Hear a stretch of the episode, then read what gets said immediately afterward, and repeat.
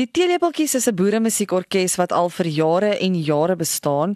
Zian en Paul van die orkes kuier vandag by my in die Marula Media Ateljee. Baie welkom. Baie dankie. dankie. So ons het twee lede hierso, Zian en Paul. Stel sommer net julleself 'n bietjie voor en sê net vir ons luisteraars wat se instrumente bespeel julle en dan kan julle ook 'n bietjie gesels oor die twee lede wat nie hierso is vandag nie.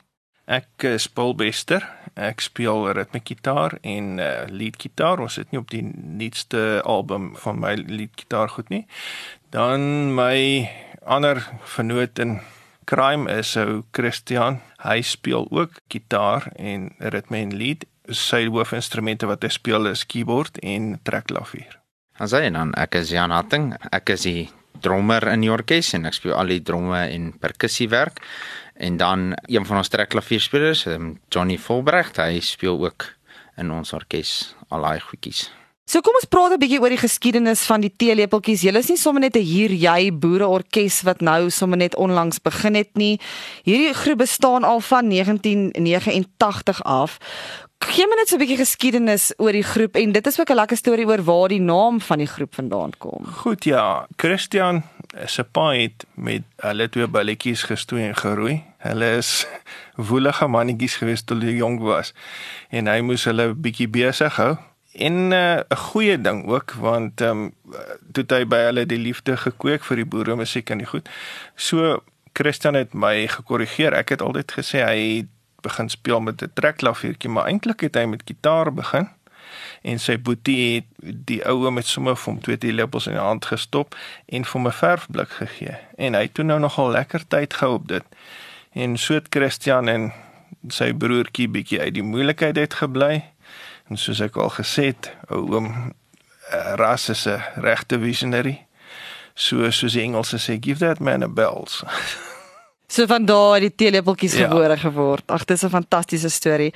Nou goed, kom ons praat 'n bietjie oor julle splinte nuwe album Erfenis. Dit bevat 12 boere musiek treffers. Wat kan mense verwag van hierdie album en hoe het julle besluit watter liedjies julle gaan saamstel op hierdie album? Goed, oor die samestelling kan ons eers begin. En dit is um tipiese bekende Afrikaanse liedjies, baie FHK nommers en so aan dat ons die essensie van ons Afrikaner tale goed bietjie uitbou en uitbrei en ook die voortbestaan daarvan verseker. So 'n um, ou kan kyk na goedjies so suikerbossie, daar's 'n FHK keerspel met 'n uh, hele spul FHK liedjies. Dan het ons goed soos oor die brug en terug, Misvloer se tees, 'n nommertjie wat Hansie Rood bekend gemaak het.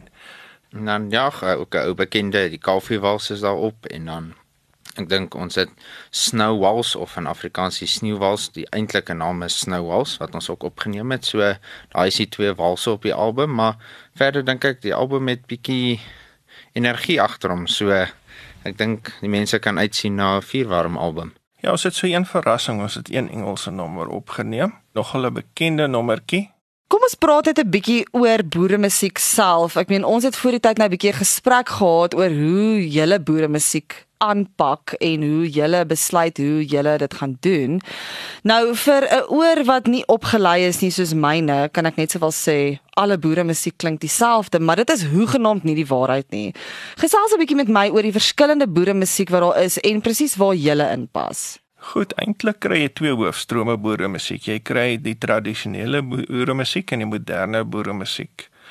Ek sou sê ons val so tussen die twee groepe om vir die onkundiges bietjie te vertel oor die tradisionele boeremusiek. Daarso word akoestiese instrumente gebruik slegs.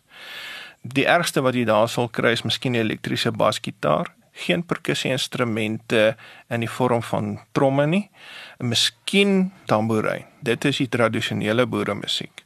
En dit is hoe dit in die ou waanhuise goed gespeel is waar die ouens sommer bymekaar gekom het en gespeel het. Daar was die krag nie en die gerief om 'n stel dromme of tromme te daarso in die veld en in die bos en selfs op die ou plotte en plase waar die ouens gebly het, dit was nie daar nie. En soos tegnologie nou ontwikkel het en ons ook toegang tot uh, meer moderne goed Eh, gekry het, het eh, daar 'n uh, moderne boere musiek neiging begin waar ons nogal baie ontleen het van allerlei van ons inheemse volke en goed en ook snaaks genoeg van die jazz ehm um, kultuur van Amerika af. So baie van die meer moderne boeremusiek gebruik jazzakkoorde en goed veral op gitaar en op klawers in die boeremusiek. Maar hulle dit baie goed vermeng dat dit tipies Suid-Afrikaans en Afrikaans is. As jy dit hoor, sal jy nie die koneksie maak tussen jazz en die boeremusiek. En Zian, miskien kan ek sommer net vir jou vra as die jongste lid van die groep. Dis redelik interessant om nou ook jong mense te sien wat boere musiek, jy weet, omarm. Altyd was dit maar net so half die ouer mense wat na boere musiek geluister het, maar dit is nie meer die geval nie. Kom julle ook agter dat daar 'n bietjie meer jong mense by julle vertonings is? Kyk, ek is nou die jongste waar ek maar groot geword met die boere musiek en ek het 'n liefde daarvoor gekry. Die meer tradisionele styl van boere musiek, die jong mense is nie te veel vir dit nie. Dit is nie vir hulle hulle hoe sal ek sê, hulle soek iets met beat as ek dit so kan verduidelik. So ek dink wat ons ook ons mark was ook baie vir die jong mense gemik so die manier hoe ons die hele CD opgeneem het in terme van die beat is daar. So as jy 'n stel oorfone opsit of so die bas van die dromme en die bas deel van die musiek kom baie deur. So of jy nou kan two step of nie daai een aanhoudende bas klank of ritme wat 'n mens sal lekker op dans of rondspring is daar. So ek dink die jong mense sal baie aanklank vind by dit en dan so so 'n bietjie iets van die geskiedenis dan ook maar leer. Goed, en dan praat ons 'n bietjie oor Regard de Bruin en Ernie Bates. Hulle het ook julle kom uithelp met die album. Praat net so 'n bietjie oor hulle betrokkeheid. Goed, Ernie het vir ons die opname gedoen en die verwerking van die opname gedoen.